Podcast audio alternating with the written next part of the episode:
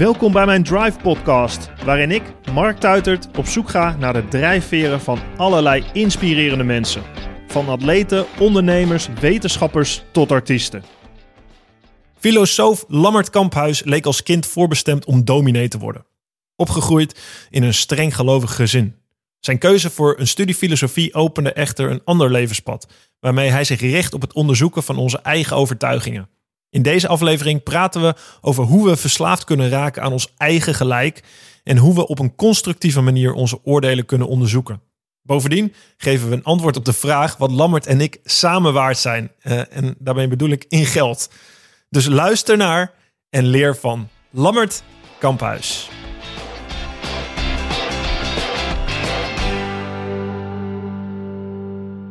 Ik heb leuk nieuws. Ik heb een nieuw boek geschreven. Flow. De Stoïcijnse mindset voor een rijkelijk stromend leven.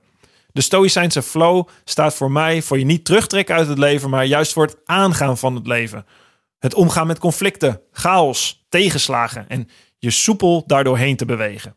Ik haal mijn inspiratie wederom uit de Stoïcijnse filosofie, maar ook uit inspirerende ondernemers, sporters, artiesten en een aantal van mijn Drive podcast gasten zoals jullie die kennen. Irene Wust, Els van Stijn, Jozef Abelkas, Bojan Slat, Annemiek van Vleuten. Ik hoop dat dit boek jou helpt om jouw eigen levensflow te vinden. De trainingen in flow zijn ontworpen om je eigen persoonlijke levensfilosofie vorm te geven. En ik denk dat dat nodig is, zodat je beter richting kunt vinden in je eigen leven. Wil je een gesigneerd exemplaar van Flow ontvangen? Bestel hem dan via marktuitert.nl/slash flow op mijn website. Ik hoop dat je het heel gaaf vindt. Ik vond het heel leuk om te schrijven. En ik hoop dat jij het heel leuk vindt om te lezen en dat je de trainingen gaat toepassen in jouw leven.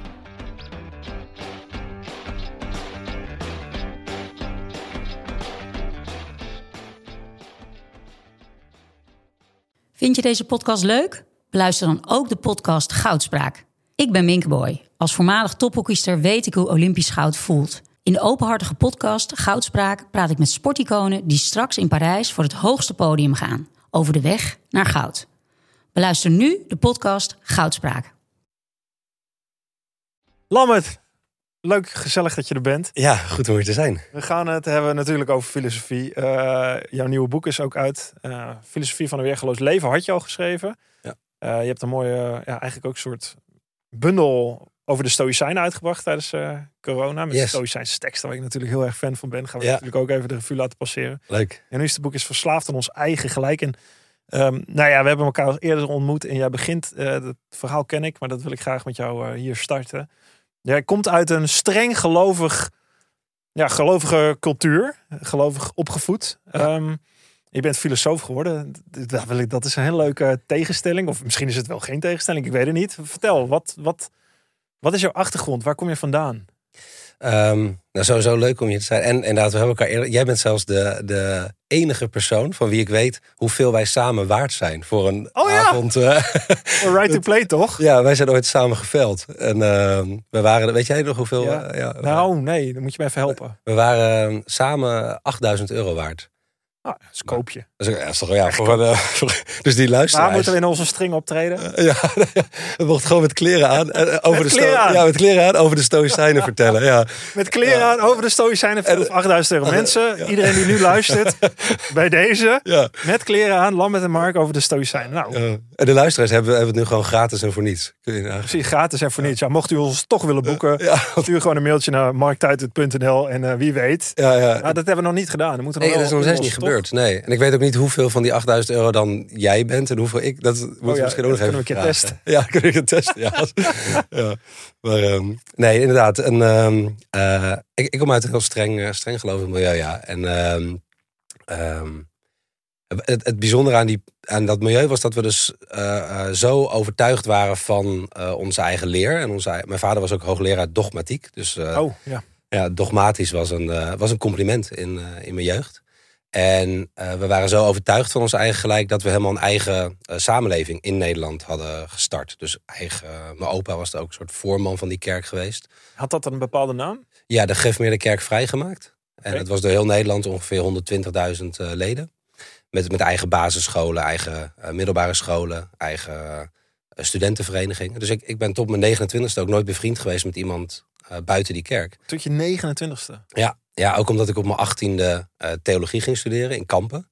Eh, met het idee om dominee te worden in die kerk. Ja. Ja, en eh, eigenlijk mijn opa's, beide opa's waren dominee, mijn vader. Dus zo zou ik dan Ja. de, de lijn der geslachten doorgaan. Ja.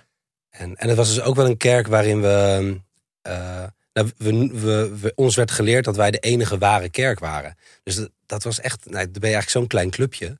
En, en dan ben je zo overtuigd van je eigen ideeën en zo veroordelend naar anderen. Bijzonder, dit doet me heel erg denken aan... eh, ja, ik ben ook fan van... Ik vind humor altijd fantastisch met zulke dingen. Monty Python. Hm. Dat ze in de arena zitten met Life of Brian, de film. En dan heb je... De, de- de Brian is tegen de Romeinen. En die zoekt medestanders om tegen de Romeinen te zijn. Ja. En dan komt hij, dan komt hij uit bij de People's Front of Judea. Dus dan zit hij, ja, ja, jullie zijn tegen de Romeinen. Ja, ja, we zijn tegen de Romeinen. En, maar, waar zijn jullie nog meer? maar we zijn nog meer tegen de Judean People Front. En dan gaat, dus er zijn twee Oh, ja. groepen die bijna hetzelfde heten. Ja, ja, ja. En die nog meer hekel aan elkaar hebben dan aan de gemeenschappelijke vijand, de Romeinen. Dat is, dat Dat is is- zo ja. grappig. Dit is zo... Eh, Freud noemt dat volgens mij het narcisme van de kleine verschillen. Van eh, hoe dichter je bij elkaar komt, hoe, hoe groter de strijd naar elkaar wordt. Eh, omdat je, eh, je dan is bijna geen verschil meer. Er is bijna geen verschil en dan wil je dat heel erg Uitlichten? uitlichten. Ja, ja, er was ook een, een soort grap onder de christenen uit andere kerken in Nederland. Die zeiden dan, als, als je bent overleden en, en we komen in de hemel, dan ontvangt Petrus je. En iedereen helemaal blij dat ze in de hemel zijn. En Ja, woehoe, yes, yes. ja, dansen en zingen. Ja. En dan krijgen ze een rondleiding van Petrus. En dan komen ze eh, bij een gang en dan zegt Petrus, "Sst, sst, ja, stil zijn. En dan lopen ze door die gang en dan komen ze langs een kamer met allemaal stilteborden en zo. En iedereen helemaal stil. En aan het eind van de gang vragen ze aan Petrus van, eh, waarom eh, moesten we daar nou stil zijn? En dan zei hij, ja, in die kamer zitten de gereformeerd vrijgemaakten, dus die kerk waar ik in zat, die denken dat ze hier alleen zijn. Nou, dat was helemaal de cultuur soort van waar we in En zaten. die, die, die grap kenden jullie zelf ook. Ja, die, die, eh, ehm, ik denk dat ik die later, toen ik, toen ik eenmaal uit de kerk was, werd me die een keer verteld door Oh, dus iemand. iedereen die in die kerk zit zelf kent die grap niet. Maar dat is echt Nee. hoe de andere christenen... Ja. Oké. Ja, zo van, ja, er werd ook dus ook wel een beetje, een soort een beetje schamper naar ons gekeken van, ja, omdat wij ook helemaal zo'n eigen samenleving gebouwd hadden. Ja. Dat is natuurlijk ook een soort arrogantie eigenlijk. Ik moet helemaal denken aan... eh, ja, ik ben ook fan naast Monty Python van South Park. In South Park heb je op een gegeven moment...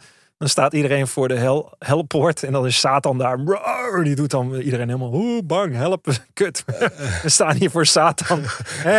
En dan zegt hij... Hey, maar ik was goed gelovig. Maar hoe, wat, waar, hoe kan het zijn dat ik hier ben? En dan, en dan zegt Satan zoiets... eh, Ja, sorry, jullie, jullie hadden het allemaal bij het verkeerde eind. Oh, ja, ja, ja, ja. Ah, nee. Hij zegt, ja, shit, hadden we, zitten in de hel. Zeg maar, wie had het bij het goede eind dan? Ja, sorry, de Mormonen. De Mormonen hadden het goed. Oh ja, Dus ja, ja, ja. zo super grappig. Ja, ja, dat is natuurlijk ook een heel raar idee. Dat ook, ook vanuit die gemeenschap waar wij in zaten. Als je het hebt over eh, wat er na dit leven komt. En, en of er een God is en wat voor God dat dan is. Ja, dat zijn natuurlijk eigenlijk typisch dingen waar je nooit zekerheid over zult verkrijgen. En dat, dat dat ook wel iets wonderlijks heeft. Dat je zo stevig kunt eh overtuigd kan zijn op, op zo'n gebied ook. Ja. Van wij zitten, ja, dat laat zo'n scène in South Park dan natuurlijk ook zien. Ja. Van ja, we hebben, eigenlijk hebben we natuurlijk allemaal niet echt ja, een idee. Je kunt En daarom heet het ook geloof, denk ik. Je moet erin geloven. Precies, ja. ja ik vind dat eh, zo'n uitspraak van een Franse schrijver, André Gide, die zegt: eh, wantrouw hen die de waarheid gevonden hebben, vertrouw hen die de waarheid zoeken. Vind ik een heel mooie manier van soort van in het leven staan. Van als mensen al te overtuigd zijn van een bepaalde waarheid of van hun eigen waarheid. Is ook, Maar dat is wel de wereld waar jij in opgegroeid bent. ja, zeker. Wat deed, wat, wat, wat- hoe was dat? Was het gewoon iedere avond en was bidden zoveel keer, drie keer naar de kerk op zondag? Of? Ja. Eh, twee keer op zondag naar de kerk, eh, ochtend en middag. En dan door de week nog twee keer naar de kerk. Voor, voor, ook voor een soort les van de dominee. Er waren, ons geloof was samengevat in een heel aantal vragen en antwoorden. En die moesten we dan elke week moesten we de antwoorden uit ons hoofd leren. En dan kwamen we bij de dominee en die ging ons overhoren met z'n allen. Wat ook wel echt iets pijnlijks had, omdat sommige mensen makkelijk een antwoord in hun hoofd kunnen stampen en anderen niet. Ja. En dat gaf ook al meteen een soort idee alsof mensen die dat makkelijk zo'n antwoord in hun hoofd kunnen oh ja, vertellen, dat dat dan betere gelovigen zouden zijn. Ja. of Zo. Dus Ja. het, heeft, het had ook iets heel, ja, iets heel rationeels allemaal. Mhm. Dat was ook wel. Als je het maar goed kan opstampen, dan eh, Ja, applaus. precies. Ja, ja. En dan gingen we, nou inderdaad, elke dag wel. Ik heb wel eens uitgerekend dat ik zo'n negen keer per dag ging, eh, gingen bidden. eh, drie keer per dag Bijbel lezen. Dus het was een heel. ja, het hele le- je hele leven was eigenlijk gevormd rondom dat geloof. Mhm. En, en ook wel vanuit een idee, ehm, dit leven hier, dat doet er niet echt toe. Zo, dit, eh, dit is maar eventjes een soort, eh, ja, moeten we even doorheen. We, we- wij, eh, wij zei, ja, er was ook een soort uitspraak die we altijd gebruikten van, we zijn wel in deze wereld, maar niet van deze wereld. Dus, dus het is even een doorgang naar ja, het leven Ja. hierna, waar het, ja, naar de hemel was dan de, de hoop. En daar, daar, daar ging het echt om. Om naar de hemel komen. Ja, ja. En dit leven was dus ook ehm, ja, minder van belang in zekere zin. En, en mensen die te veel, die buiten de kerk heel erg aan het genieten waren. En die, die, die, daar bestond ook altijd soort sfeer omheen van iedereen buiten die kerk is egocentrisch. Want die zijn aan het genieten van deze wereld. En Foei. foei, ja, ja. Het was niet een heel... eh, Kijk, ons hier is ploeteren. ja, ja, ja, precies. En dat is goed. Ja, ploeteren is goed, ja. Ja. Ja, het is ook niet eh, geluk, gelukkig zijn of zo. Dat was helemaal niet een, een, een issue eigenlijk. Gehoorzaamheid, dat, was... eh, Ja. het Was niet- je, was je, was je, wat, wat deed, was je er bewust van? Eh, Ik kan me voorstellen, zo jong, als je zo jong bent, dat het gewoon ja, normaal is. Je weet niet beter. Ja, ja heel, heel lang is dat, het, is dat het voor mij eigenlijk geweest. Ook omdat, ook omdat mijn beide opa's en mijn vader dominee waren. Ja. En ik, ik zag hen op de preekstoel. En het was eigenlijk gewoon de- ja, de, de adem die je in, de zuurstof die je inademde. Dat geloof ik. Dat, er waren geen andere opties ook. Maar had je ook niet in de puberteit meisjes of dat je dacht, nou, is even eh, zo. Dat is Ja, Ja, ja, Nou, dat, je, dat- je daar niks mee mag of mocht. Of dat je dat niet kan uit. Of wat. Ja, nee, dat was wel. ehm, dus uitgaan zat er niet in. Seks voor het huwelijk ook eh, zeker niet. Nee. Ehm, eh, TV kijken, nou, mocht dan, mocht de EO mochten we dan wel kijken, eh, andere dingen niet. Ja, ja. VPRO is uit en boos. ja, dat was uit de boze. Ja, ja, ja, ja, ja, ja. Sport mocht dan, eh, sport keken we wel, dat was, dat was dan, eh, maar op zondag niet. Nee. Ehm, maar dat klopt, dat, dat was natuurlijk ook wel iets wat, wat een soort pro- problemen ging opleveren. Dat je merkte, hé, hey, ik begin ook allemaal interesses te krijgen en, en ook lichamelijk me te ontwikkelen, geïnteresseerd te raken in seksualiteit. En Ja. ehm, dat, dat is denk ik, ook al ben ik er nu, ik ben iets meer dan tien jaar uit. Eigenlijk pas vanaf mijn 29ste ben ik echt uit die wereld gestapt. Ja, Eh, dat ik denk dat dat nog steeds wel een van de erfenissen is of zo die ik heb. Dat eh, je leert een soort van eh, wantrouwen naar je, naar je primaire driften. Ja, ja, en ook wel naar je gedachten of zo. Dus bepaalde dingen uit de Bijbel dan denk je, hé, maar dat kan toch niet? Of dat klopt toch niet? En dan, dan is de reactie, nee, dat kan wel, want het staat in de Bijbel. Maar, maar je kunt je gedachten niet vertrouwen. Die zijn niet... Oh ja, de. Bijbel is goed. En alles wat ik denk is eigenlijk eh, Ja, alles wat, ja, ja, alles wat er tegen ingaat is fout. Ja, is ja. de duivel. Of is de- Ja, ja, dat is dan, ja, ja. En, Wat zijn dat dan? Dat is, dat is inderdaad seksuele gevoelens of zo. Als je Ook. Ja, ja bijvoorbeeld, maar ook bijvoorbeeld als je op zondagmiddag wilde ik, het liefst wilde ik gewoon gaan voetballen. Eh, Ja. Maar dat was niet, dat voelde je gewoon natuurlijk in, in ja, als je wil sporten als tiener of, of inderdaad geïnteresseerd bent in, in, in, eh, Ja. in seksualiteit, dan voel je dat gewoon door je hele lijf van eh, Ja. dat je gewoon ergens zin in hebt.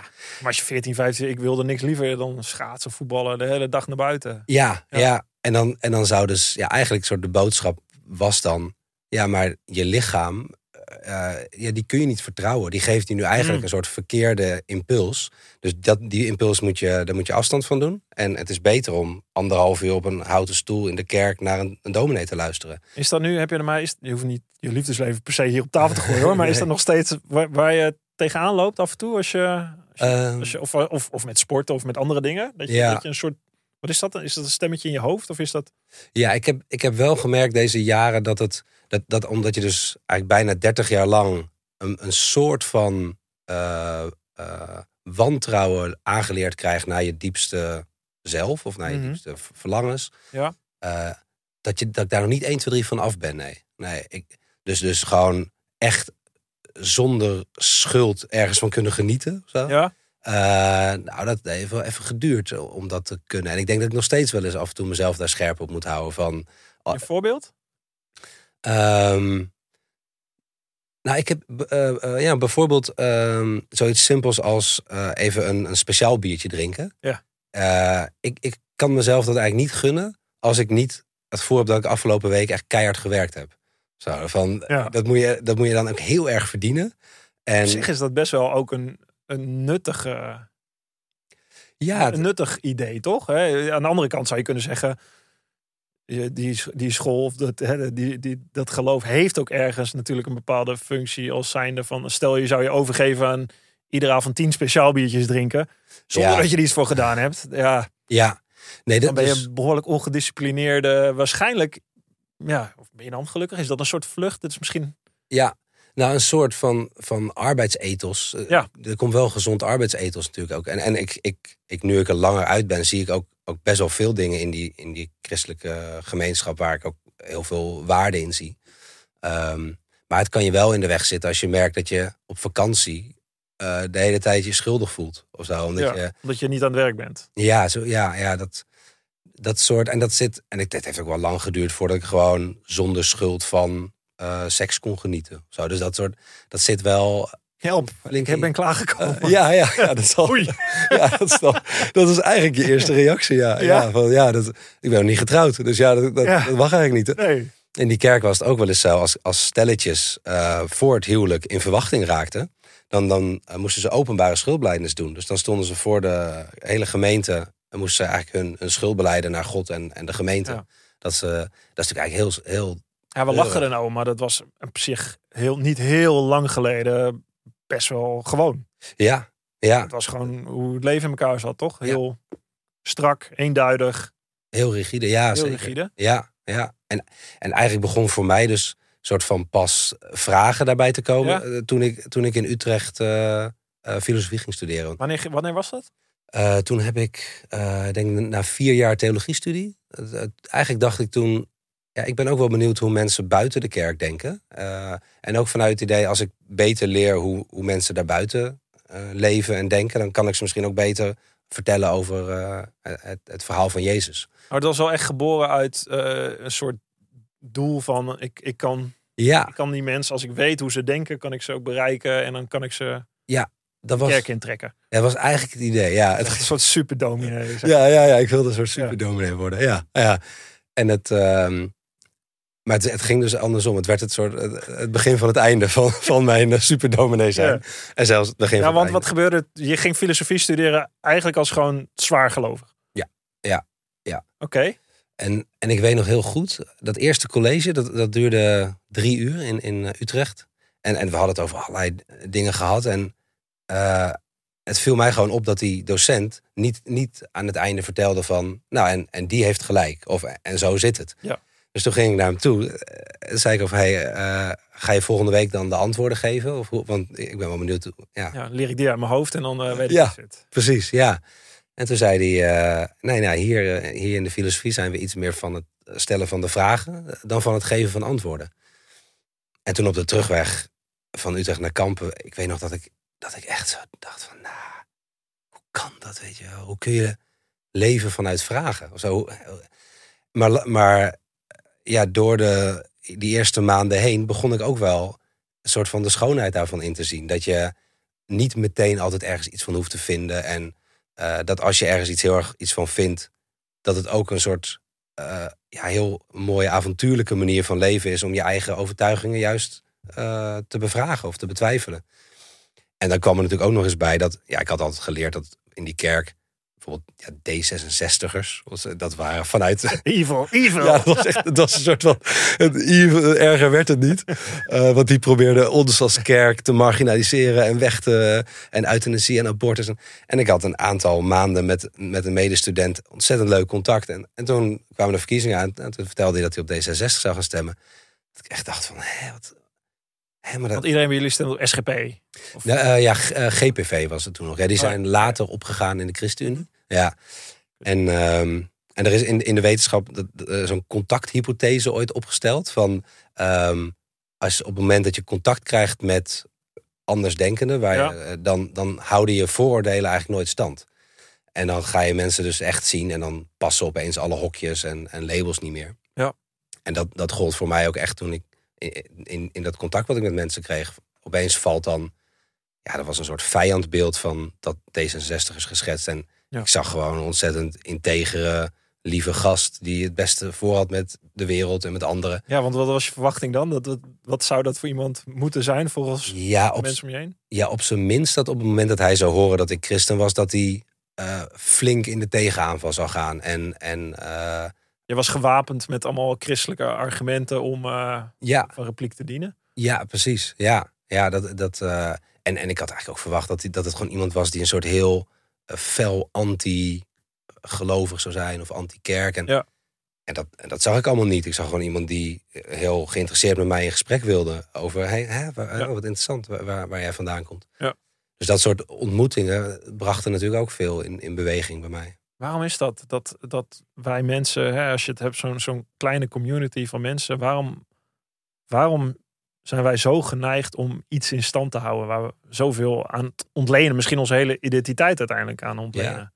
Ja, het is denk ik ook eh, een soort veiligheid die het geeft. Van, van ja, het leven is natuurlijk best een ingewikkeld eh, project eh, waar we in terecht zijn gekomen. En hoe ga ik dat inrichten qua vrienden, qua liefdesrelaties? Ja, wat is de zin er eigenlijk van? Helemaal in deze tijd, nu we helemaal zelf verantwoordelijk zijn om, om of de meeste, ja, om, om daar. eh, Zelf zingeving aan te... Ja, precies, ja, ja, Nietzsche, God is dood. inderdaad. Ja, het is, eh, we hebben geen God meer in die zin om ons te leiden. nee, Dus we zijn op onszelf aangewezen Ja, om daar betekenis aan te geven. Wat een hele zware eh, opdracht is misschien wel. Ja, dat is echt een, wel een zware last, denk ik. En als je dan iets vindt, ja, dan hou je er ook met, met, met alle macht aan vast. Ja. En het is denk ik ook wel een beetje hoe... Dus het geeft veiligheid, een soort overzicht. Wij zijn goed, jullie zijn slecht. En, en het is ook wel een beetje hoe ons, hoe ons hoofd werkt. Dat we van nature vrij makkelijk verslaafd raken aan ons eigen gelijk. Ik, ik, ik betrapte mezelf bijvoorbeeld de laatste op dat ik, dat ik mijn weegschaal eigenlijk alleen vertrouw... als die een eh, gewicht aangeeft wat me bevalt. dan ga ik erop staan en denk ik, nou, dat ding werkt nog goed. Maar als ik er dan op ga staan en hij geeft iets aan wat, wat me niet bevalt, denk ik, hè, wat, is er aan de hand met die, met die weegschaal. Ja. En, dan, en dan, oh, hij staat niet recht of zo. En dan, als het dan nog steeds niet, denk ik, nou ja, toch maar eens een nieuwe kopen. Of zo. Dus we, het zit eigenlijk ook een beetje in ons, in ons systeem dat we heel makkelijk eh, vastraken in, in onze eigen tunnelvisie of onze Ja. eigen gelijk.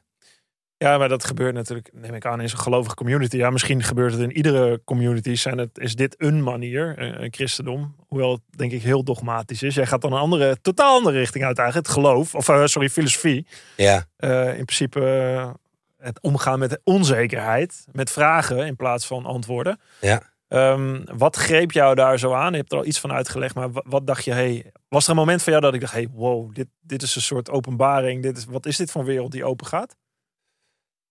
Ja, het was. ehm waar het denk ik vooral in zat, was dat ik merkte. nou, ik leerde Socrates bijvoorbeeld kennen hè, met zijn eh, levensstijl. Het, ik weet, het enige wat ik zeker weet is dat ik niks zeker weet. En, en zelfs daar ben ik niet helemaal zeker van.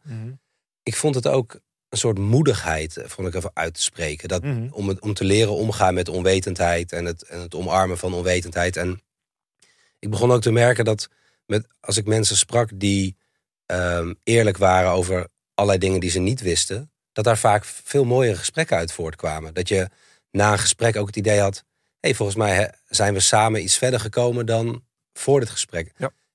Heel veel gesprekken, ook als ik dan aan, die, aan de kerk terugdenk, ja, dat, ja, je verkondigde gewoon je eigen standpunt. Sowieso zijn denk ik veel gesprekken ook een soort twee monologen naast elkaar. En Ja. Je wacht net zo lang tot de ander iets zegt van... oh, dat heb ik nog veel erger. En dan eh, noem ik ook eens communicaping. Dat je gewoon net zo lang wacht tot je je eigen standpunt weer kunt verkondigen. En dus het zat denk ik ook wel in een soort, soort plezier wat ik begon te krijgen in... ehm, ehm, ja, het, het omarmen van onwetendheid. En dat je daarmee eh, dingen nieuwe perspectieven krijgt. En op nieuwe manieren naar, naar het leven leert eh, kijken. Kan Daarvoor moet je denk ik je geloof bevragen. Moet je je Ja, eigen ouders bevragen. Je, je gemeenschap bev- Ja, ik, ik, ik herinner me dat ik in de, in de, in de bus zat van eh, Kampen naar Zwolle. Toen ik dus nog theologie studeerde en, en begonnen was met, met filosofie. En, en toen raakte ik in gesprek met een, met een wat oudere man. En die, ehm, die was aan het, samen met zijn vrouw aan het overwegen om eh, voor euthanasie te kiezen voor zijn vrouw. Omdat zij zo, eh, Ja, zo ziek was. En daar hadden wij van, vanuit onze kerk een heel, heel duidelijk oordeel altijd over. Dat dat niet de bedoeling is. Ja. En, en gedurende dat gesprek, en ik denk ook wel doordat ik in die filosofie ja, niet, niet meer direct geleerd had vanuit een oordeel te gaan, maar eerst eens vanuit ja, nieuwsgierigheid of verwondering, dacht ik ook, ja, hoe als ik hem zo hoor spreken vol liefde over zijn vrouw en, en, eh, en over, over haar ontzettende lijdensweg die zij gaat. Ja, hoe, hoe, kan ik dan vanuit mijn soort veilige positie dat gaan veroordelen? Of wie ben ik eigenlijk ook om daar een oordeel nu over te hebben? Nou, dat doen eh, de, politieke partijen waar je net over had, doen dat in principe. Uit hun geloofsovertuiging zeggen ze, dit willen we niet. Ja, Terwijl, eh, nou ja, ik ben ook gelovig opgevoed. Dat is wel grappig van, eh, ook van stoïcisme, of stoïcijnse filosofie, waar ik fan van ben. Ja, ook dat, dat, dat zijn vaak ook, je, je krijgt iets mee natuurlijk ook uit het christendom in waarde en bepaalde manier van leven waar wel heel veel, heel veel in zit. En ook wel heel veel wijsheid en kracht ergens in zit. Ehm, maar voor mij was het, ik, ik ben mijn moeder verloren. Ehm, en, en het enige wat ik wel eens denk, ehm, is dat ja, we hadden haar een waardiger afscheid kunnen geven als we naar haar geluisterd hadden. Mm. Zij wilde niet meer leven. Dus, en ik, ik, ik snap geloof, ik snap iedereen heeft recht op zijn eigen standpunt, zijn mening, et cetera. Alleen die vrijheid om die keuze te maken voor jezelf, eh, ja, die is zo waardevol, vind ik, dat je als je gelooft daar zo diep tegen ingaat. Daar begin ik, eh, toen ik jonger was, had ik daar niet zoveel moeite mee. Was ik misschien principiëler daarin. Maar nu denk ik, ja, Mm. de- hoe, hoe kun je bijna zo denken? Ja, ik snap het Ja. uit dogmatiek, maar ja. wat een beperkte, ja, ik vind dat zo'n beperkte manier van denken. En ik, eh, ehm, ik denk ook dat soort van eh, ehm, een standpunt hebben waarin je, nou, bijvoorbeeld in dit voorbeeld dan tegen euthanasie zou zijn. Ja. Dat, dat, dat kan natuurlijk, dat je daar persoonlijk niet, niet voor bent. Maar wat ik vooral merkte was dat daarin dan zo'n hard oordeel meekwam naar Ja. mensen die het wel doen. Van, je kunt natuurlijk ook zeggen, ik, ik ben er niet voor, maar dat betekent niet dat iedereen die daar wel voor kiest, Ja. meteen een soort ja, slecht, slecht zijn. Of dat, Ja. daar bestond een soort heel beeld van eigenlijk. En ehm, ja, dat is het lastige natuurlijk als je gelovig bent opgevoed. Of in, als je het hebt over of ChristenUnie, SGP. Als je, ehm, als je dat, je kan daar tegen zijn en daar niet voor stemmen. Maar daarmee, zou je, daarmee kaap je ook eh, de vrijheid van heel veel mensen die dat misschien wel zouden willen. Eh, dat is een hele spannende, ja. dat is ja. natuurlijk het dilemma waar, ja. En, en denk je dat in het geval van je moeder, dat, ehm, dat kwam dat vanuit een soort religieuze overtuiging? Dat dat, dat gesprek niet eh, gevoerd Ehm, nee, ik, ik, nou, misschien ook wel ergens. Mijn moeder was, is best wel katho- katholiek opgevoed, maar wel echt, echt gelovig. Alleen zij wilde, ja, zij wilde niet meer. Dus zij was wel bezig met hoe kan ik, eh, hoe kan ik er zelf een einde aan maken. Nou, dat Ja. is er uiteindelijk ook gelukt. Ehm, alleen wij, en dat lag ook bij mezelf en, en mijn broertjes, mijn vader zijn eigenlijk. Je wil niet dat iemand dat doet. Je wil dat Mm. iemand blijft leven. En er zijn gelukkig, godzijdank, genoeg mensen die er doorheen komen of door een depressie komen en, en weer geluk vinden. En godzijdank eh, nooit die, eh, die stap hebben genomen. Maar aan de andere kant, ooit is met iemand gesproken die, die, die dat proces wel is doorgegaan. Eh, en dat was bij mij wat er overbleef. Dat ik dacht van wow, ik heb eigenlijk niet naar mijn moeder geluisterd. Omdat zij dat graag wilde. Dus zij Mm. wilde dat zelf heel graag. En Mm. ik vond dat ze dat eigenlijk. Kijk, kijk, ik heb, maar ik redeneer vanuit de positie. Ik ben gezond, eh, ik heb een fantastisch leven. Ik redeneer vanuit mijn eigen positie. Eigenlijk luister ik helemaal niet naar haar. Als zij Ja, zegt, nou Mark, luister eens even.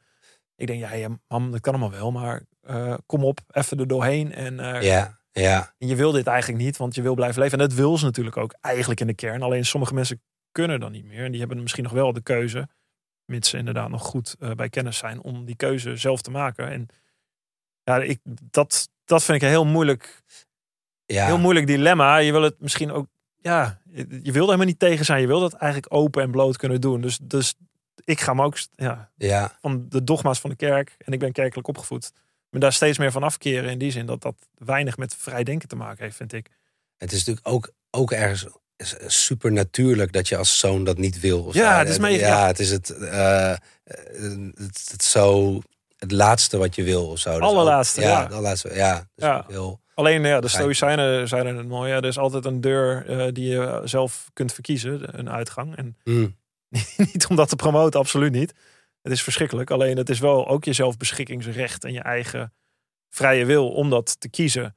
Ja, ja. Ehm, en dat is een beetje, als je het hebt over, eh, ja, over eh, vrije wil of over, over dogma's. Dat, dat zijn de dilemma's waar we allemaal mee kampen. En waar we volgens mij, en daar wil ik eh, ook naartoe. Jij- zegt in je boek ook, hè, wat je, dat, dat de samenleving gaat steeds meer lijken op de kerk van vroeger. Eh, het, lijkt, het zijn dan twee posities die mensen innemen tegenover elkaar. En dan wordt het de ene kant van het geloof, ja, dit mag niet van ons geloof, dus punt. Hier is alle discussie mee. Ja, Terwijl, terwijl het begrip wordt daar ook mee, over en weer, wordt daarmee gestaakt. Ja. Is, Ja. geen, er is geen middenweg meer waar je ergens tot elkaar kan komen. Of waar je dat onderzoek kan starten van.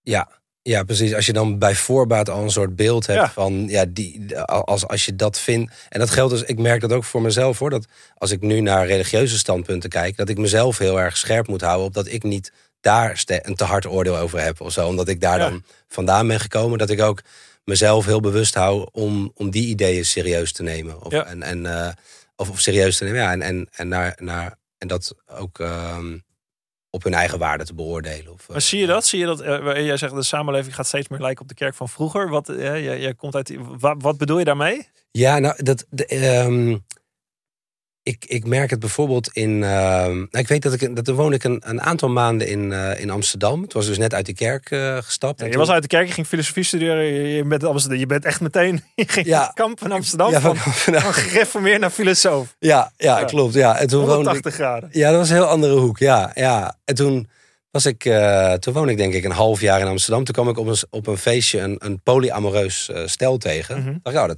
ja, die, die, die zullen denk ik wel heel soort open geesten zijn. Maar de- toen ik met hen ging praten, de manier waarop zij praten over mensen in een monogaam, monogame relatie, was eigenlijk net alsof ik de dominee weer over ongelovigen hoor. Ja, gewoon mensen in een monogaam huwelijk. Dat, eh, monogamie doe je alleen maar vanuit angst. En vanuit eh, dat je iemand als bezit wil. En als je angst voelt, dan kun je nooit liefde voelen. En wij weten wat liefde is. eh, Maar, maar mensen in een monogame relatie zullen nooit, nooit echte liefde ervaren. Ja. Toen dacht ik, wow, pittig. Dat is, dat is ook wel weer heel zwart-wit. Ja, dat lijkt dan heel progressief en alles kan.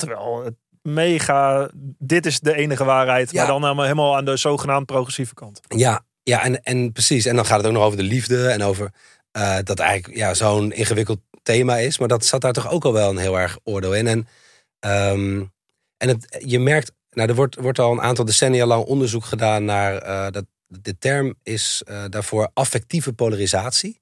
Eh, en dat is dus, er wordt aan mensen gevraagd: hoeveel hekel heb jij aan mensen met andere ideeën dan jij? Op een schaal van 1 tot 10. En het blijkt dat dat dus steeds meer toeneemt. Dus we, we krijgen minder begrip en meer hekel aan mensen met, met andere ideeën.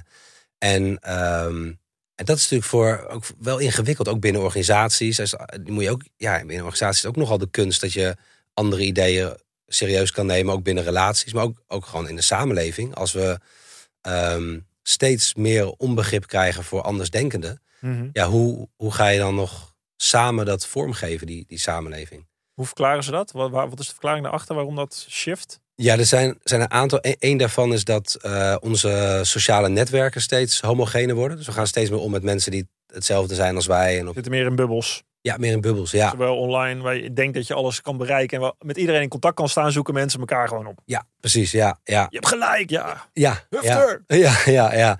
ja ik vond ook die term echokamer of zo. Ja. Dat je dus, je hoort heet het andere mensen zeggen die je net, dingen die je net ervoor zelf zei. Van, Ja, probeer maar eens een discussie te voeren op Twitter of social. Dat is echt kansloos. ja. En inderdaad ook. Of eh, kan- de discussie is nog te daar toe, maar kom maar eens tot een begrip. Of tot een... Ja, dat je eh, het idee hebt van hey, ja, de zoektocht van, oh ja. gevoerd. Ja. Oh. Ik merk dat laatst bijvoorbeeld toen, toen Frans Timmermans eh, zich kandideerde voor GroenLinks PvdA, dat toen had Jeroen Pauw kritiek op een, op een toespraak van hem die hij ooit over MH17 heeft gehouden. En dan zie je op Twitter de nou echt bekende opiniemakers, nog niet eens de anonieme scheldaccounts. Eh en dan van aan de ene kant meteen, eh, ja, Pauw is een extreem rechts, eh Ja. zie jij is extreem rechts. En nee, Timmermans is een narcist zonder moreel kompas. Ja. Wow, rustig. Ja, ja, ja. Kunnen, kunnen we het ook gewoon nog oneens zijn met elkaar en, en, en elkaar nog een beetje als mens benaderen? Of, dit zijn die twee echo-putten die eigenlijk extremer worden en harder roepen. En dat gelijk vergroten. En eigenlijk daardoor verder uit elkaar komen te staan. Ja, precies. Ja. En, en ik denk ook wel dat, ehm, nou inderdaad, online zitten we natuurlijk ook in die filterbubbels. Eh, eh, wetenschappers die hebben recent ontdekt dat eh, als wij iets lezen wat ons eigen idee bevestigt, dan krijgen we een, een shotje dopamine. Dus het is gewoon lekker. Dus algoritmes weten dat. Dus die, ja, die zijn zo ingericht dat we steeds dingen zien waar we het al mee eens zijn. Ja. Ja. Kamphuis is een prachtig filosoof. Altijd op gewicht. oh ja, eens. Ja, of Lambert Kampers is een vreselijke filosoof. Altijd die, altijd die ellenlange verhalen over zijn religieuze achtergrond. Ja, en, eh, Terwijl in, die, of in kritiek of opbouwende kritiek dan vaak weer heel veel lessen zitten. Of heel veel... ja, Ik had het vaak met, met sporters. Heb je natuurlijk ook vaak journalisten of kritiek. En zijn dan sporters die zeggen, ja, hè, die, die dat afwijzen. Terwijl dat is ook vaak... Ik vond dat wel leuk om erbij na te denken. Van waar, waarom hebben mensen nou een bepaalde mening of een analist? Ja, ik zit nu zelf, ik ben analist bij de NOS. Hè, dus Ja. ik ben nu zelf degene die ja. ergens iets van vindt. ja, Maar dat is ook het spelletje natuurlijk. Daar kun je soms best wel veel van leren. Van mensen die ergens iets van vinden. Zonder dat je je meteen aangevallen voelt persoonlijk. Dat je denkt, hé, hey, zit er wat in? In iemand Ja. die hier iets van vindt? Ja? ja, ja, Heeft hij er zelf ook echt verstand van? En moet ik het serieus nemen? Nou, dan moet ik het misschien eens even naar kijken. ja, ja. Iemand die maar wat roept en blaat. En eh, met termen slingert waar die... eh, als een soort hele grote uitvergroting van iets. Dan, Ja, dan precies. neem ik het minder serieus. Maar Heb, heb je de- inderdaad dus wel eens eh, eh, ehm, eh, dingen gehoord van analisten of waar je je, je voordeel mee hebt kunnen doen als, als sporter? Of, ja, ja, ja, zeker wel eens. Ja, ja. Jawel, er zijn wel genoeg. Hè. Ik heb ooit moeten kiezen om me te specialiseren op de 1500 meter. En ik, ik wilde altijd een grote allround kampioen worden. Een soort legende. Hè. Hmm. De grote namen der aarde achterna. Hmm. Ja, Sven Kramer werd beter en Rico Fabrice werd beter. En ja, ja, ik moest eigenlijk gewoon kiezen. Eh, deze route liep dood. Ik, ik- dus de realiteit. ehm hè, dan kunnen de mensen zeggen: ja, eh, Mark Tuit, het gaat het niet meer redden. Die is niet. En dan kun je denken: nou, wat zal je eens laten zien dat ik het ga redden. Ik ga hier alles op alles zetten. Hmm. Maar de waarheid is misschien wel dat daar, of dat, dat, dat de realiteit is. Dus Ja. misschien is dat waar, alleen wil ik het zelf nog niet zien. ja, precies. Eh, omdat ja, ergens ik mijn ego overeind moet houden om het geloof overeind te houden dat ik ergens iets kan. Wat ook natuurlijk een soort geloof is wat nuttig is in sport. Ja. Je kan alles blijven bevragen, of je kan als een filosoof. ja. Dat kan ook, eh, ja, dat kan ook je zelfvertrouwen ondermijnen of je eigen overtuiging ondermijnen. Dus dat is een, ja, een wisselwerking waar je, Ja.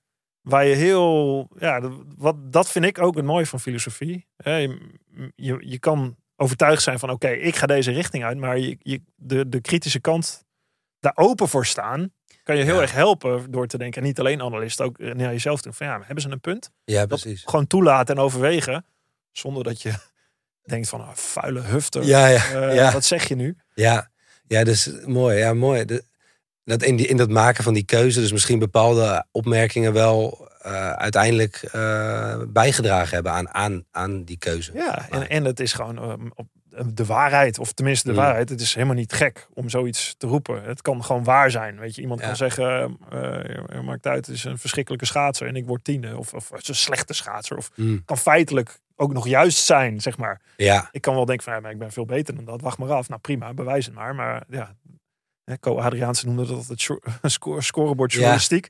ja, Je kon zien, en dat is ook natuurlijk meteen een probleem. Want hè, dat is altijd de buitenkant die mensen zien. De scores, de cijfertjes of een interview van iemand of een soundbite uit iets. Ja. Eh, probeer de, ik weet niet of dat is natuurlijk wa- wat in sport wel zit. Je moet zelf de overtuiging hebben en de route weten. Oké, ik heb dit en dit en dit gedaan. Je weet zelf hoe je ervoor staat. Dus Ja. dat is je eigen zelfvertrouwen. Dat is de bron waaruit je kunt putten. Alleen kritiek van anderen van buiten toelaten en je wereldbeeld verbreden daardoor ja, is denk ik super waardevol. ja, mooi. Ja, Zelfs als sporter. dat is wel mooi. Dus eigenlijk is het die, die, ehm, eh, die, die lenigheid, die, eh, Ja. dus die, die term perspectivistische Ja, lenigheid. je die moet eigenlijk, dat is heel moeilijk uit je mond te. Perspectief. ja, dat is een vreselijke, ja, dat is een vreselijke term. Nou, ja, laten ik we heb het met Elke Wist over gehad ook. Socrates op sneakers schreef zij in de vorige dri- en, eh, een, eh, twee jaar geleden mijn Drive podcast. Maar dit Ja. is Ja, inderdaad een hele mooie term. ja, Leg uit. Zij, ja, zij, zij, ehm, eh, ja, ze heeft die term van mij geleend voor in Socrates op sneakers. Ja. Dus, eh, Oh, bij deze Elke? Ja, nee, dat heeft, zet ze er netjes bij. Oh, goed Nee, ze bij, ja. Eh, en dus perspectivistische lenigheid. Ja, dan eh, dat je dus de lenigheid hebt om, om ook vanuit verschillende perspectieven. Dus soms ook vanuit het perspectief van een analist die kritisch is te kijken. Ehm, en volgens mij is dat een soort balans zoeken tussen dat je heel star blijft vasthouden. In, in jouw geval dan aan, nee, ik wil gewoon die allrounder worden. Zo, dat is Ja. een soort starheid die in de weg zit. Maar elke kritiek serieus nemen en helemaal geen eigen pad meer hebben, dan, ja, dan word je een soort hyperflexibel. Dan zwabber je. Dan Dan zwabber je. Ja. dan heb je geen eh, kompas of zo. En Ja. daar de balans tussen vinden, dat, dat is volgens mij die, die lenigheid. eh, Hoe doe je dat?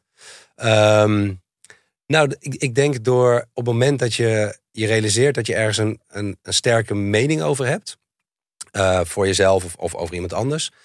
dat je ook realiseert, oké, die mening, dat, dat wordt ook mijn tunnelvisie. Of dat worden ook mijn oogkleppen. Zo, dat, zo werkt het nu eenmaal. Als we een soort heel sterke overtuiging hebben, dan werkt ons hoofd zo dat we alleen nog maar dingen zien die ons oordeel bevestigen. Ja. Eh, dus wat ik een heel mooi, eh, de confirmation bias eh, heet dat dan. Dat- Dus wat ik een heel mooi onderzoek daarnaar vind, is dat er aan mensen gevraagd werd: hoe, hoe denk je dat er op jou gereageerd wordt als je met een enorm litteken op je hoofd over straat zou lopen? En dan zeggen die mensen, nou, misschien, ik word misschien een beetje raar aangekeken of zo. En dan eh, zeggen die onderzoekers, nou nu kun je dat zelf meemaken, want we hebben hier een visagist en die kan een enorm litteken aanbrengen op je gezicht.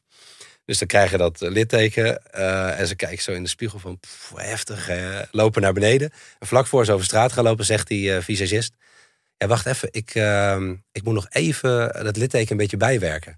Maar in plaats van dat hij het dan bijwerkt, haalt hij het helemaal van hun gezicht af. En lopen ze met hun normale gezicht over straat en dan komen ze na een half uur terug en dan vragen die onderzoekers, nou, hoe was het op straat? Niet normaal hoe vies mensen naar je kijken, joh. En hoe ze me, hoe ze me negeerden en met een enorme boog om me heen liepen. Ja. Maar ze hadden gewoon met een normale hoofd daar gelopen. Ja. Maar omdat je dan het idee hebt, mensen gaan apart reageren, dan, dan ga je dus die dingen selecteren ja, die daarbij kloppen of die daarbij passen. Of alles wat je ziet, ga je zo interpreteren dat het bij jouw eh, Ja. opvatting Er zijn gewoon één grote machine hier die indrukken verwerkt en die er maar een verhaal van probeert te maken. de hele tijd. En het liefst ja. een verhaal waar we goed uitkomen, toch? Ja, nee, absoluut. Ja. En zo daar, daar, volgens mij daar al bewust van zijn, is een enorme stap vooruit in die lenigheid. Dat je gewoon snapt, oh ja, als ik iets vind, helemaal als ik iets ergens sterke emoties bij heb, dan wordt het ook mijn oogklep. Want ik, ik kan me jou, jouw werk nu als analist ook wel voorstellen. Want net had je het over eh, eh, dat, dat mensen over jou, jou analyseerden. Maar dat als je eenmaal iets vindt van een bepaalde sporter, dat je dan ook natuurlijk alleen nog maar dingen gaat zien die dat oordeel bevestigen. Ten Ja. goede of ten slechte. Ja, nou, daar moet je jezelf eh, heel erg in trainen, denk ik. Als je ergens Ja. vindt door inderdaad ook bij jezelf te raden gaan. Zit ik goed? En ben ik, in, ben ik, word ik nog beïnvloed door andere krachten? Ben ik onafhankelijk? Hè? Daarom is het ook zo waardevol dat je onafhankelijk je mening kan geven ergens over. ja. Zonder Ja. dat je beïnvloed wordt. En iedereen wordt ergens natuurlijk beïnvloed. Alleen de bewust van zijn dat je beïnvloed wordt is al een heel, heel, heel ver. Ja, ja. En eh, totaal je beïnvloed worden en totaal dat terzijde schuiven. Nee, nee, nee, ik word nergens door beïnvloed. Is al een soort signaal van, oh, wacht, ho. ja. Hè, dat is wel mooi hè, met het, met het Dunning-Kruger effect natuurlijk. Wat, hè, wat ik in mijn boek omschrijf, jij ook. eh, dat wat een bekend effect is natuurlijk wat John Cleese, vond, vond ik hè, weer Monty Python, heel mooi omschrijft. Je moet enigszins intelligent zijn om te beseffen hoe dom je bent. Dat Ja, hoe ja, meer ja. inderdaad je vasthoudt op een oordeel, hoe meer je denkt dat je gelijk ergens in hebt, hoe meer je bij jezelf moet gaan afvragen, oh, dit is gevaarlijk terrein. Ja. Eh, want ik denk hier misschien ergens vanaf te weten, maar doordat ik denk ergens veel vanaf te weten, kan het zijn dat ik mezelf zoveel overschat in mijn kennis dat, dat, dat, dat ik helemaal mis zit. Alleen dat kan ik zelf niet herkennen. Nee, dat is het. Ja, dat is, ja je, moet het, je moet echt een soort van. Nederigheid heb je dat. Ja, ergens wel. Een soort nederigheid, bescheidenheid. Van bescheidenheid in je, eh, in je kennis. Of ja, wat ik, wat ik ook zo'n eh, fantastisch onderzoekje naar dat Dunning-Kruger effect vind. Ja. Was vlak na de annexatie van de Krim. werd er aan Amerikaanse burgers gevraagd: van hoe overtuigd ben je dat de VS militair moet ingrijpen op de Krim? En daardoor moesten ze op een wereldkaart aanwijzen waar de Krim lag. Ja. Het bleek dus dat hoe overtuigder mensen waren van dat er ingegrepen moest worden, hoe verder ze afzaten, gemiddeld genomen, Ja. van waar de Krim lag. Ja. Zo dus, ja, hoe minder je ergens van weet, hoe, hoe stelliger je wordt. ja, en hoe meer je ergens van weet, waarschijnlijk als specialist, hoe eerder je zult twijfelen, omdat je weet hoe complex materie is. Ja, Zodat je, staat het ook, de, de complexiteit van ons leven is inderdaad zo ingewikkeld dat we aan de ene kant aan de veiligheid van een geloof, of misschien een heel zwaar geloof, vasthouden. Zodat, hè, zodat we er niet met die complexiteit van doen hebben. We maken het gewoon simpel, zwart, wit, heerlijk, overzichtelijk ja, en door. Op, op gauw op naar de hemel. ja, ja. Eh, of je moet, dat vind ik het mooie, dat vind ik het prachtig aan filosofie ook. Je worstelt met die onzekerheid, met die complexiteit. Er bestaat niet één antwoord. Je moet het maar ontdekken hier in het leven. ja. En dat kun je doen door goede vragen te stellen, door van allerlei kanten allemaal dingen te beschouwen. Ehm, ja, dat houdt wel in dat het heel veel dingen helemaal niet zeker zijn. Dus dat je heel veel twijfelt, dat je misschien onzeker bent, dat je denkt, wat moet ik hier in godsnaam mee het leven? Dat je bijna als een zoutzak op de bank blijft zitten van, eh, help! Eh, ja, ja, dat is natuurlijk het risico. Ja, ja.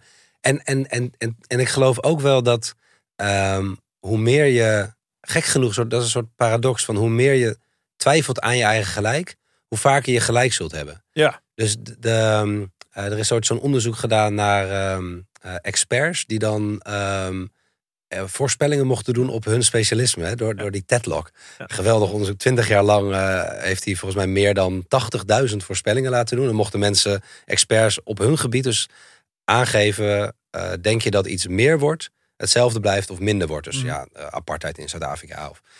En dan mochten ze gewoon een percentage daarbij noemen. Eh, hoeveel denk je dat, hoeveel kans dat het meer wordt, eh, hoeveel kans dat het minder wordt, dat het gelijk blijft. En als wij gewoon als totale leken overal 33,3% hadden ingevuld, hadden wij het beter gedaan dan die experts Ja. in, de, in de loop van 20 jaar. Hè. En, Ja. en er is dan eh, één groepje experts die het verrassend be- veel beter doet dan de rest. En dat zijn degenen die gedurende die 20 jaar vaak van mening veranderen. veel twijfelen aan, aan hun voorspelling. En, en ook steeds vanuit verschillende theorieën ernaar kijken. Mm. En die blijken uiteindelijk dus dichter bij de werkelijkheid te komen. dan degene die heel stellig vanuit één theorie eh, hun, hun voorspellingen doen. En, en nauwelijks twijfelen. Hoe kom je daar? Hoe word je zo iemand? Nee, ten eerste denk ik een soort bewust worden van hoe, hoe, je, hoe je geest werkt. Dat als je dus als je heel stellig ergens over wordt, dat daar ook je valkuil zit. Ja. Ik, ik heb dat voor mezelf bijvoorbeeld dus ook heel erg moeten leren ten opzichte van de- het gereformeerde geloof. Dat ik daar ook soort te, te zwart-wit eigenlijk over ging denken. Omdat ik daar eh, zo, zoveel emotie ook bij had. Zoals maar op het moment dat je ergens ook sterke emoties bij hebt Mhm. ligt daar ook een valkuil in dat je ja, gewoon minder recht gaat doen aan iemand. Wat was dat voor jou dan? Was dat afzetten? Of? Ja, er zat, er zat wel een soort afzetten tegen ehm, dat op het moment dat ik, dat ik met iemand vanuit, vanuit die oude gemeenschap sprak, dat ik merkte dat ik ze eigenlijk, eigenlijk niet echt serieus meer nam. Ja. Zo, en dat was ook Wat voelde je dan? Wat was je emotie? Ehm, ook een soort boosheid, ook een soort eh, bijna. ehm, ja, het, het raakte natuurlijk ook eens aan een soort oude. Het triggerde dingen in mezelf. Dat ik een soort oude, oude pijnen of zo die ik zelf had. Ja. Waardoor ik eigenlijk moeilijk naar hen serieus kon nemen. Maar, maar, maar dat zegt dan dus meer over mezelf dan over iets wat zij vertellen. Ze hebben misschien wel hele goede punten of he- heel veel ook weer aan mij te leren. Maar ik kan het dan niet zien, omdat het mijn. Dus we, we, we zien dingen vaak niet zoals ze zijn. We zien dingen zoals we zelf zijn. Ja. En omdat dat dan een, oude, ja, een oud verhaal is van mij, kan ik het misschien ook minder recht doen. Het En ik- oordeel van jezelf zegt meer over inderdaad je eigen triggers dan het per se over iemand anders Ja. direct zegt. Maar dat is e- echt extreem moeilijk. Ja. Omdat ook in, ook merk ik in, in relaties of zo, als je boos bent, om dan je, eh, je, je partner serieus te nemen. Ik, ik heb wel voor mezelf een soort trucje dat, dat dan, ehm, als ik dan ook in die boosheid zit, dat ik, dat ik mezelf dan even de vraag stel. Oké, maar stel dat zij nou voor 1% gelijk zou hebben. Wel- welke, welke Heeft ze niet, maar Heeft ze niet, stel, nee, hè, nee, ja, ja, ja. hypothetisch. heeft ze zelden eigenlijk? Maar, Eigenlijk is ze nooit gelijk, maar stel dat het wel zo zou zijn. Ja, gewoon even puur theoretisch. Ja. Welke, welke procentpunt zou dat dan zijn? Of zo?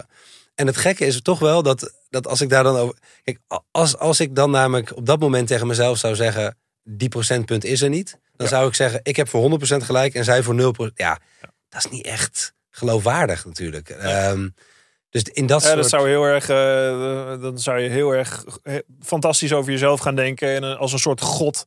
Ik Ja. heb altijd gelijk. En je bent filosoof notabene. Dus ja, eh, ja, ja, dat, zou je, nu- dat zou je niet eens mogen beweren. Het zou niet heel geloofwaardig Nee. zijn. Nee, nee.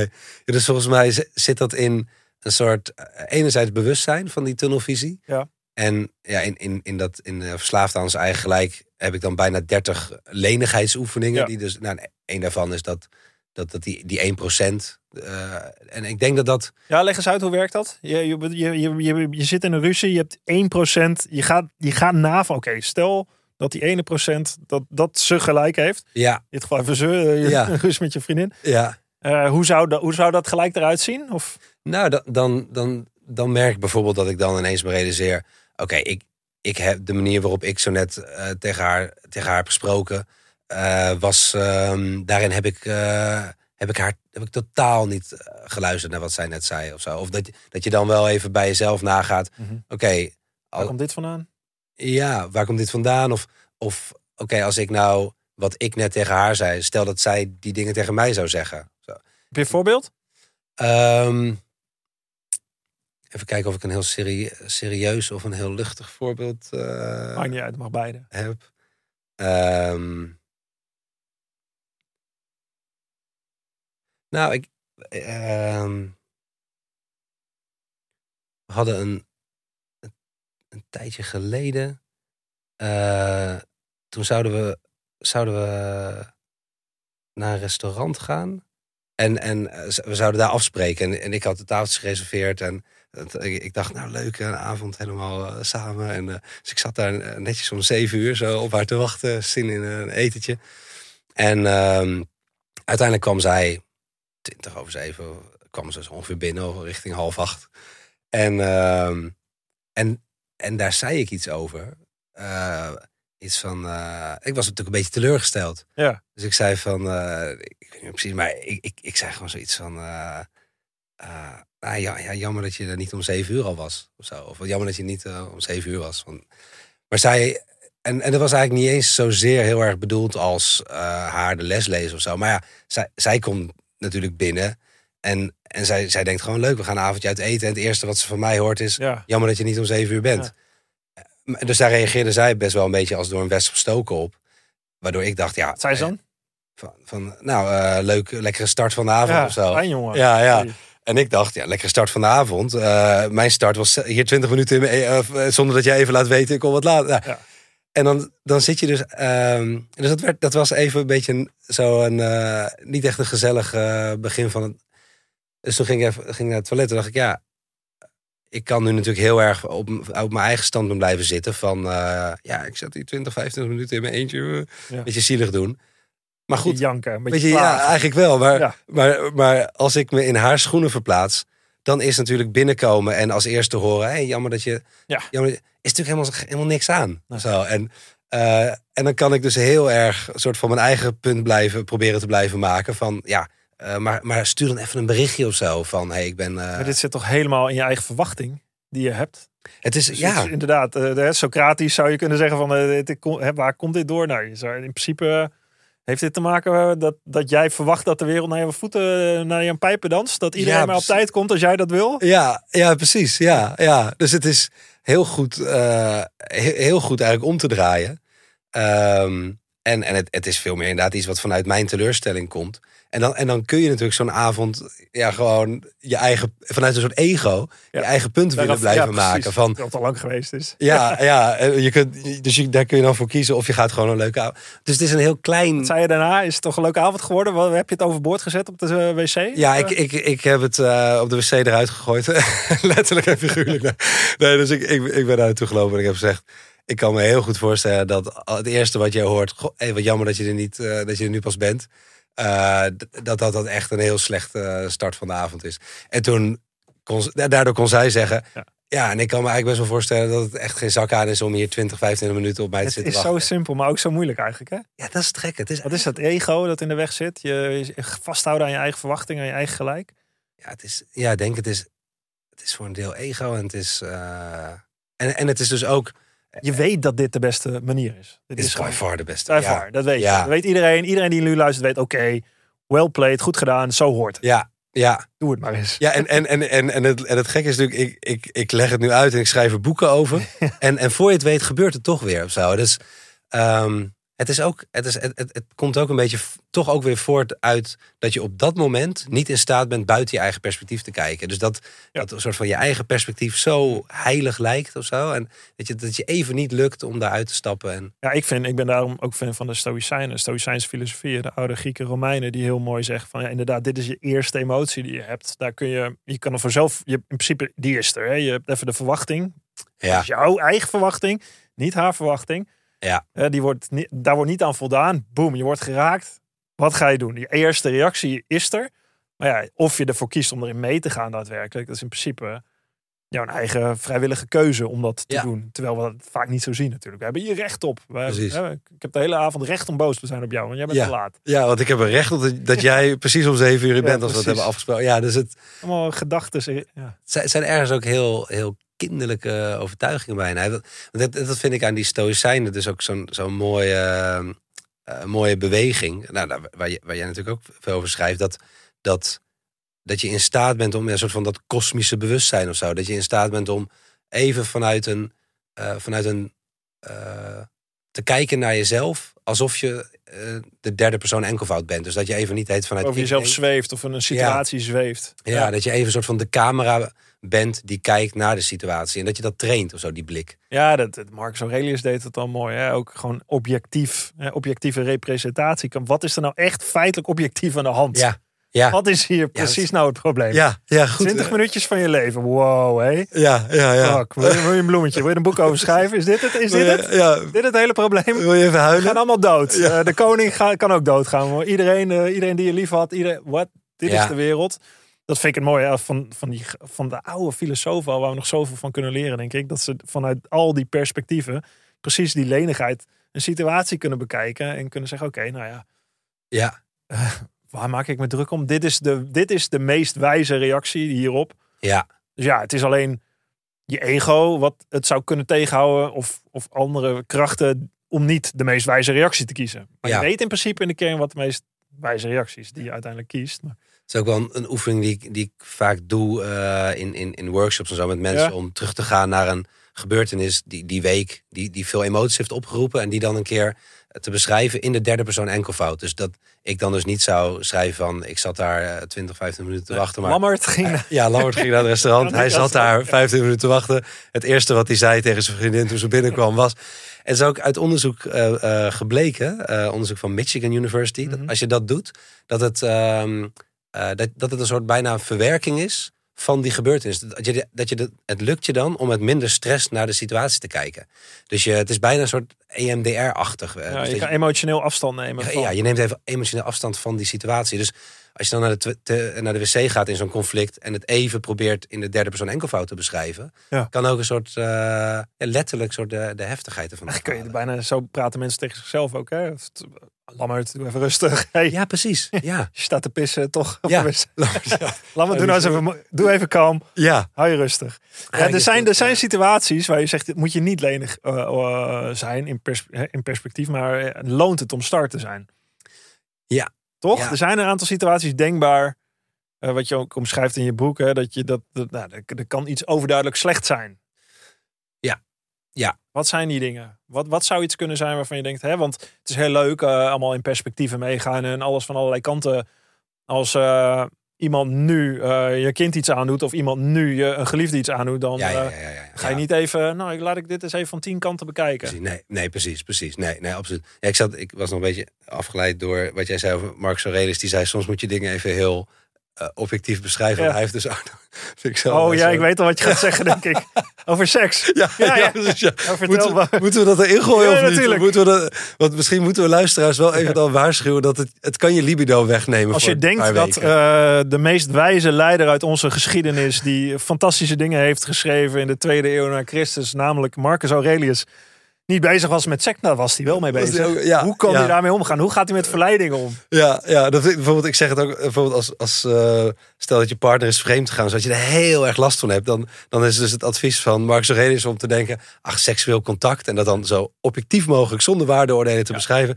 Seksueel contact is ook niks meer dan het wrijven van twee stukjes ingewand tegen elkaar, eindigend in wat uitscheiding van slijm in een soort kramp. Ja, precies. Waar, waar maak ik me eigenlijk ook druk over? Ja, nou, ik ga, laat maar zitten. Ja, laat maar zitten. Ja, Ja, ja, ja. ja. Maar zo trainen die zichzelf inderdaad om het zo voor te stellen dat Ja, dat, dat, hè, dat het makkelijker was om daar afstand van te nemen, toch? Emotioneel. precies, precies. Kalmer te blijven om Ja, En helemaal als, er, als je natuurlijk als leider of de meest machtigste man op aarde eh, zoveel, zoveel ja, zaken te verwerken krijgt. Hij had te maken met de grootste pandemie waarschijnlijk uit onze menselijke geschiedenis. Of één Ja. van de meest grote. Ga er maar eens aan staan als leider. Ga er maar eens de juiste keuze in maken. Ja. Eh, hoe hij dat omschrijft in de meditaties, persoonlijke notities, is waanzinnig. Hè? Hij komt eigenlijk met al deze voorbeelden, al deze lessen. ja, ehm, waar, je, waar we denk ik nog heel veel aan, aan hebben. Eh, ik ook heel veel aan heb. Het is een prachtig boek ook om te lezen. Even een soort buitenperspectief. Door, door dat om, heel objectief omschrijven, even Ja. er buiten gaan staan. En, eh, ja. En je kan je voorstellen dat je, dat, dat je als leider, eh, of dat je af en toe, dat hij, hè, hij, stond, hij stond niet altijd bekend, Marcus Aurelius, om, om een kalme, rustige eh, mens. Was gewoon af en toe natuurlijk ook, ah, ja, moest hij ook, eh, ja, had hij ook driften, had hij ook allerlei dingen die we allemaal als, als mensen hebben natuurlijk. Waar we, Ja. waar we om ja, de, de gelovigen of hè, de dogmatici die zouden zeggen, nee, die zijn er niet. Of eh, we, we houden ons precies aan de regels. Ja, Dus als je achter de voordeur kijkt, dan weet ik niet wat er allemaal gebeurt. Maar ja, dat, dat, dat zijn we toch als mens. Je kan het ontkennen, je kan het proberen te vatten in regels. Of ja, je, je kan er op een of andere manier een weg in vinden en ervan leren. Dat vind ik leuk aan filosofie. Het leert veel over jezelf, over het leven, over de Ja. wereld. Hoe werken die dingen nou eigenlijk? ja. En het Houdt is, nooit op. Het houdt nooit, nee, nee. En het, het, is ook nooit natuurlijk dat je een soort van de, de perfecte balans vindt. Want het, het zijn steeds ook een soort balanceeroefeningen. En dan denk je dan weer gevonden te hebben, maar dan ja, het leven gaat weer door en jij ontwikkelt weer. En dan merk je ook, ik zit misschien toch weer iets te veel aan die kant. Of bij, bij eh, ik denk zo Marcus Aurelius, dat misschien juist het feit dat we, dat, dat we zoveel van hem kunnen leren, is dat hij er zelf zo mee heeft geworsteld. Ja, Dus hoe absoluut. Je leert het meest van de mensen eh, die ergens echt mee hebben moeten worstelen. Nee, dat vind ik aan de andere kant soms ook van filosofen wel. Dat soms worden dat, maar dat heeft iedereen natuurlijk wel ergens in zich, worden ook soms dogmatici van. Ik heb het dan met stoïcijns filosofie, weet je dat van wat is stoïcijns? Ja, nou dat die, de stoïcijnen dachten zo en zo en zo volgens die en die richt, richting. Dus ja, alles wat je hier zegt is niet stoïcijns. Ja, ja. Volgens mij klinkt het als mij alles een beetje, hey, dat gaat naar geloof toe. Terwijl er natuurlijk eh, allemaal filosofen waren binnen die school die ook allemaal richtingen uitdachten. En ook allemaal maar een weg zochten. Ja. Dus in die zin is er niet een leer als in een geloof. Het is gewoon een soort denkrichting, ja. eh, een gereedschapkist eh, waar, je, waar, je, waar, je, waar je mee aan de slag kan, wat heel waardevol is. En dat, maar dat, zelfs dat zit er alweer in. Dan wordt het de vraag, is dit wel stoïcijns of ja, niet? ja, ja, dan wordt het ook weer eh, toch weer dogmatisch of Ja. zo. Of, ja, ja, want terwijl die, in die periode van de Stoïcijnen, wat me ook zo aanspreekt, is er waren een heel aantal scholen en je kon een tijd lang bij de Stoïcijnen meelopen. En dan op een gegeven moment, nou, ik ga toch eens naar Plato's Academie of naar de Epicuristen. Of, Ja, Zeno is, die deed dat eigenlijk. De, de oprichter van de Stoïcijnse school, die ging bij eh, de mechanische school, bij de, die ging bij allerlei andere scholen langs om te kijken. Nou, hoe denken ze hierover? Hoe Precies. denken ze daarover? ja, dat is natuurlijk fantastisch. Want Dat, dat, Ja. dat, zo dat, die nieuwsgierigheid, ik weet nog toen ik over die scholen leerde, van hé, maar dat is dus heel anders dan wat ik dan ken uit die dogmatische kerken. Van wij zijn met elkaar, we sluiten ons af van de wereld en we hebben de waarheid gevonden. Dus dat je die openheid behoudt. En, en, en Ja, en dat je daar op een marktplein met z'n allen over discussieert. Of, Ja. Nou, wat jij verkondigt hier, eh, dan moet je even. eh, dat slaat nergens op. Nee. Want dit, dit, dat.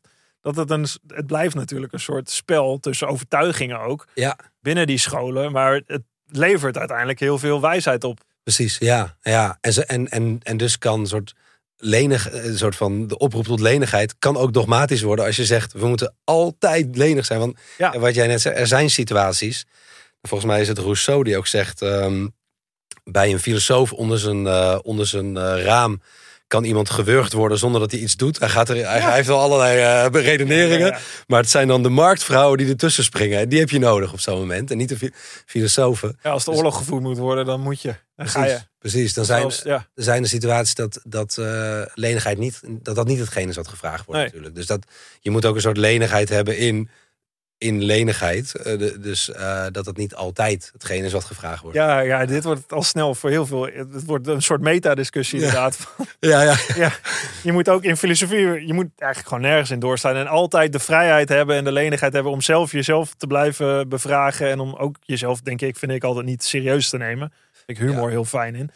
Ehm, en soms is het misschien dan wel goed om. te- jij, jij schrijft ook in je boek een stukje hè, waar, dat, dat polarisatie misschien soms wel voordelen heeft. Je- Ja. ja, ik heb in dat boek natuurlijk ook nagedacht. aan ik, als ik een heel boek schrijf over eh, eh, een pleidooi voor lenigheid. Ja. En dan, dan ben ik niet geloofwaardig als ik niet ook ga onderzoeken wat de nadelen aan, aan Ja. lenigheid zijn.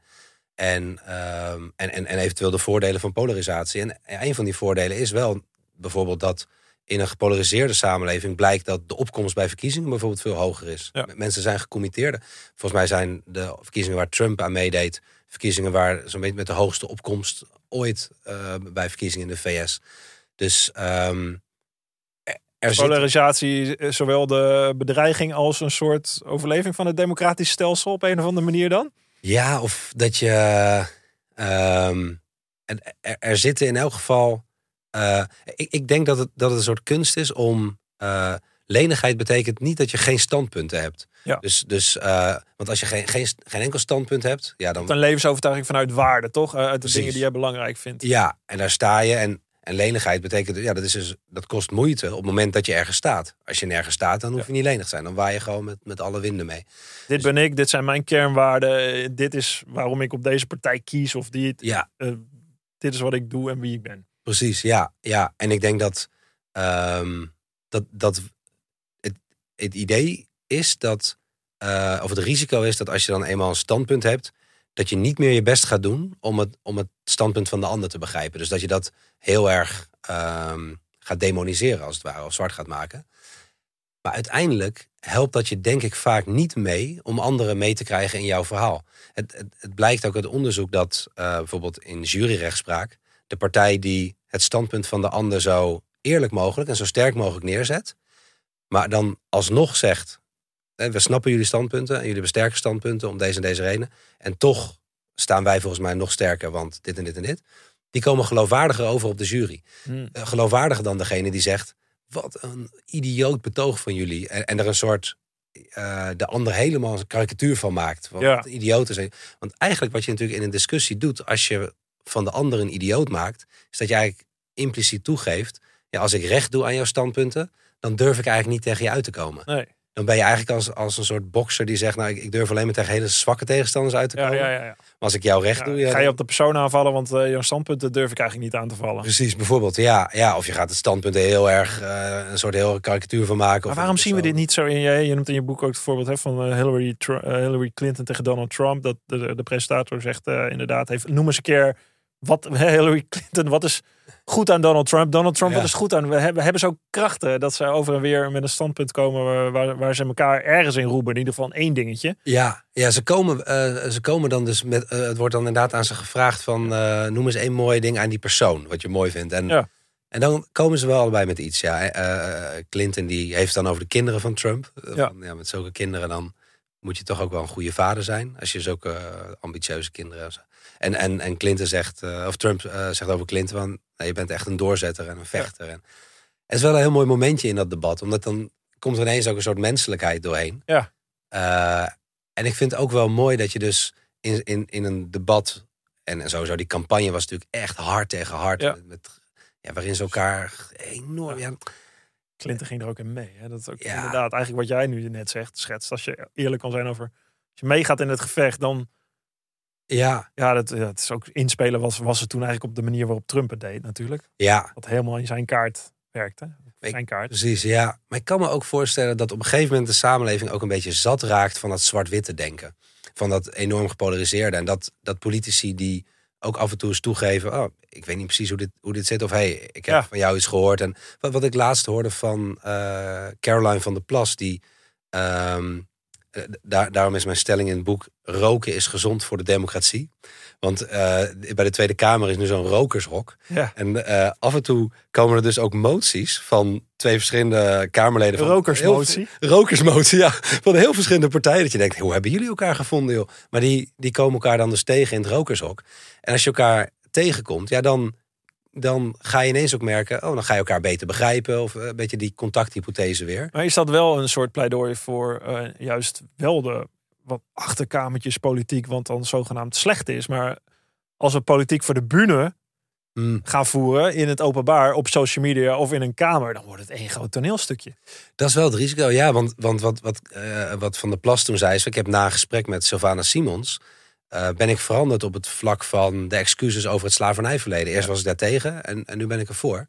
Ehm, als je elkaar natuurlijk alleen ja, op, eh, voor, voor de camera's of, of aan talkshowtafels... waar natuurlijk ook toch heel vaak twee extremen tegen elkaar, over elkaar gezet worden... Ja. waardoor je ook het idee hebt dat er in elk debat maar twee extremen zijn... waar je Ja. tussen kan kiezen. Dat is natuurlijk heel vaak niet. Heel vaak ligt ze, ze zetten allerlei verschillende aspecten aan. Er zitten Ja. allerlei, Ehm, ik, ik, ik zou niet zeggen voor achterkamerspolitiek, maar wel in elk geval voor het belang van elkaar ook onder vier ogen af en toe spreken. En, eh, eh, elkaar, elkaar ook, eh, ook de optie serieus nemen dat er ideeën zijn bij andere partijen die de moeite waard zijn. Ja. Tot slot, wat kunnen wij zelf doen als, eh, als we met andere mensen in dagelijks contact staan, onze collega's, vrienden, om, om die lenigheid te trainen? Wat is, wat, hè, we gaan een keer niet naar een verjaardagsfeest en we zeggen, hey, eh, hoe was het nou? Ik heb dit gedaan en dat gedaan. Maar hoe kunnen we, Hmm. hoe kunnen we onszelf uitdagen? Wat kunnen we zelf doen? Nou, ik denk dat, dat ehm, een van de dingen die, die voor mezelf helpt, als ik merk dat ik een, een oordeel heb over iemand of over een, een situatie, ehm, met, met waar ik ook een sterke emotie bij heb, dat ik dan eh, heel me er bewust van ben dat dat ook mijn tunnelvisie wordt en dat ik die door een overtuiging dan 180 graden omdraai. Dus dat ik ehm, eh, dan op zoek ga naar argumenten voor het tegenovergestelde oordeel. Dus ik Mhm. gaf laatst een workshop ook eh, daarover, over het belang van je oordelen omdraaien. Ja. Toen vroeg ik aan die deelnemers van, is er iets wat je in je leven jammer of vervelend vindt? En er was één dame die zei, ik vind het zo jammer dat mijn man heel moeilijk van hart tot hart contact kan leggen met anderen. Daardoor heb ik niet een heel sterke emotionele band met hem. En dat heeft hij ook niet met onze dochter. En, en in die oefening moesten ze dat dus omdraaien. Dan moesten ze van maken, ik vind het fantastisch dat mijn man zo moeilijk van hart tot hart contact kan leggen. En toen gingen ze op zoek naar argumenten daarvoor met, met haar gesprekspartner. En toen zei die eh, gesprekspartner, nou, betekent in elk geval ook dat hij niet, niet makkelijk met andere vrouwen van hart tot hart contact legt. toen dacht ze, ja, want die gesprekspartner had een echtgenoot en die kon met iedereen heel goed overweg. en daar werd ze doodziek van.